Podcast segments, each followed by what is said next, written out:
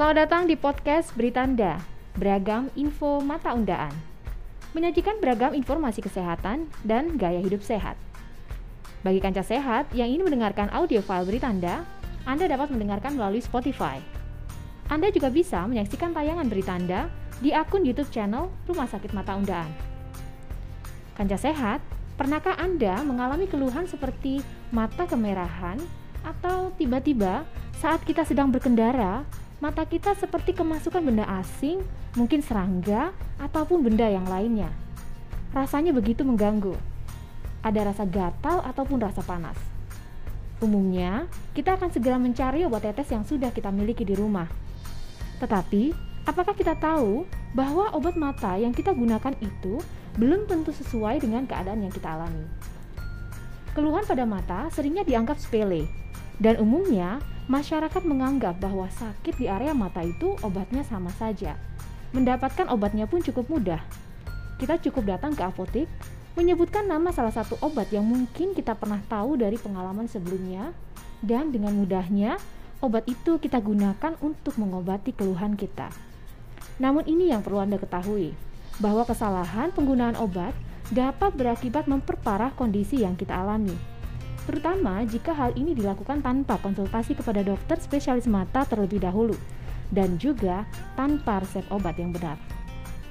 Hadir bersama saya, salah satu staf farmasi di Rumah Sakit Mata Undaan Surabaya, Mas Antonius Bayu S. Farm Apoteker. Apa kabar Mas Antonius? Iya. Baik, ya. ya. Oke, kita memang harus selalu menjaga kesehatan di kondisi yang seperti iya, saat ya, ini ya. ya.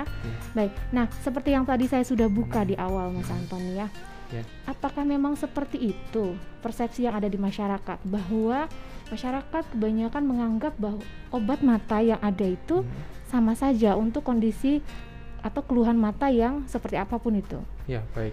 Jadi uh, perlu diketahui juga bahwa pengobatan sendiri atau yang dikatakan swamedikasi itu perlu kita lihat apakah uh, kondisi yang mungkin dialami oleh sebagian masyarakat atau pasien itu uh, kondisi yang dialami itu uh, apakah masih ringan seperti yang uh, kemasukan debu atau kemasukan bi, uh, binatang atau ataupun uh, mata merah yang masih dalam taraf taraf ringan. Apabila ditemukan adanya kondisi yang memperparah seperti mata merah dengan iritasi yang berat seperti hmm. nyeri, pandangan kabur, penglihatan yang buram, maka kita harus konsultasi dengan uh, dokter spesialis mata ataupun ke rumah sakit itu yang penting. Nah, hmm. selanjutnya hmm. bagaimana dengan di rumah sakit mata undaan sendiri? Apakah setiap pembelian obat hmm. wajib menggunakan resep dokter? Iya. Jadi pembelian obat di rumah sakit mata undaan harus dengan menggunakan resep dokter. Hal ini mengacu pada Permenkes nomor 72 tahun 2016 tentang standar pelayanan kefarmasian di rumah sakit.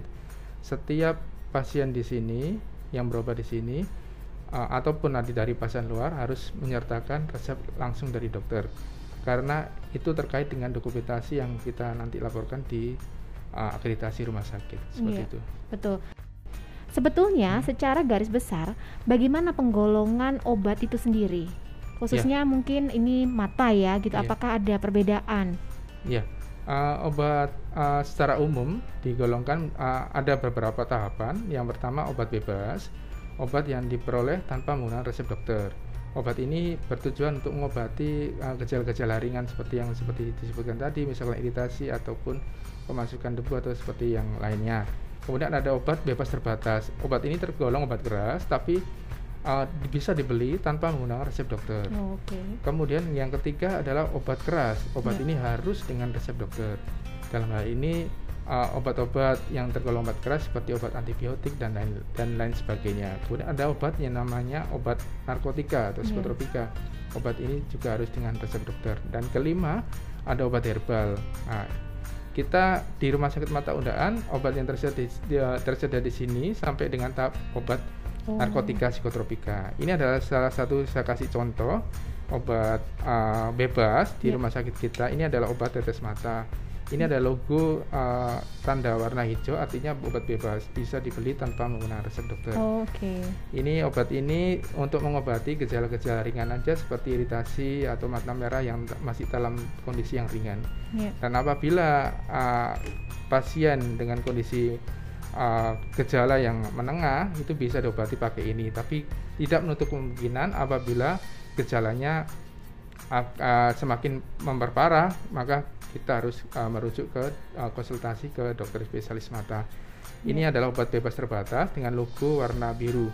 Jadi ini ada keperingatannya di sini. Ini adalah obat keras dengan harus dengan pemeriksaan dokter apabila uh, pasien tersebut kondisinya semakin parah. Dan Oke. ada obat keras. Ini obat ini harus dengan uh, resep dokter dengan logo tanda merah di sini. Oke. Seperti itu. Jadi itu tadi ya kancah sehat perlu diperhatikan di kemasan masing-masing obat. Labelnya apakah lingkaran hijau, lingkaran biru, atau justru lingkaran merah dengan tanda K. Begitu ya. Jadi Begitu, kita betul-betul tahu bagaimana kita menggunakan obat itu secara benar. Nah, selanjutnya apa saja yang harus diperhatikan dalam penggunaan obat-obat yang tadi sudah disebutkan sesuai dengan penggolongannya, Mas Anton? Iya, uh, baik. Jadi uh, saya ngambil contoh adalah obat bebas. Uh, di sini uh, adalah obat bebas tetes mata. Kita pastikan dulu uh, kadar uh, waktu kadaluarsanya apakah memenuhi persyaratan.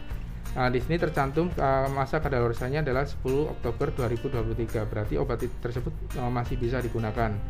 Kemudian dalam hal menggunakan kita pastikan kondisi tangan kita dalam kondisi bersih dulu Iya. sebelum meneteskan. Kemudian uh, pastikan juga uh, apa uh, kita berada di tempat yang uh, benar-benar nyaman untuk meneteskan obat tetes mata. Hmm. Kemudian uh, kita buka tutup botolnya ini, ya, kita buka tutup botolnya, kita putar, kemudian kita uh, uh, kita tarik di kantung mata, Iya. ya, sehingga menimbulkan cekungan Iya. di sini. Jadi kita tarik bagian tarik kelopak ya, bagian kelopak kelopak mata, mata bawah terus gitu kita ya. Uh, fokuskan di area kantung mata, jadi bukan di dalam uh, di permukaan bola mata. Oh. Kenapa? oke. Karena uh, kalau uh, kita teteskan di uh, permukaan bola mata, kemungkinan akan ujung dari botol ini akan bersentuhan dengan bola mata, bola Hmm. mata dan akan memungkinkan masuknya bakteri masuk ke dalam mata. Oh. Jadi begitu. kita uh, teteskan di daerah kantung. Setelah kita teteskan, kita kedip-kedipkan mata sebentar, uh, sekitar durasi uh, kurang lebih 1 sampai 2 menit. Iya. Habis itu uh, setelah kita gunakan, kita jangan lupa tutup kembali uh, tetes mata, obat tetes mata ini untuk mencegah dana kontaminasi dari uh, partikel atau benda asing yang masuk ke dalam obat tetes mata ini. Oh, Seperti oke. itu. Nah, bagaimana dengan tempat penyimpanannya sendiri? Apakah obat yang tadi disampaikan itu bebas, bisa Hmm. didapatkan bebas, memiliki tempat penyimpanan yang berbeda atau bebas-bebas juga? Iya, eh, untuk obat bebas seperti yang saya contohkan ini, ini adalah kemasan eh, kemasan mini dose, artinya kemasan tub kecil-kecil. Ya.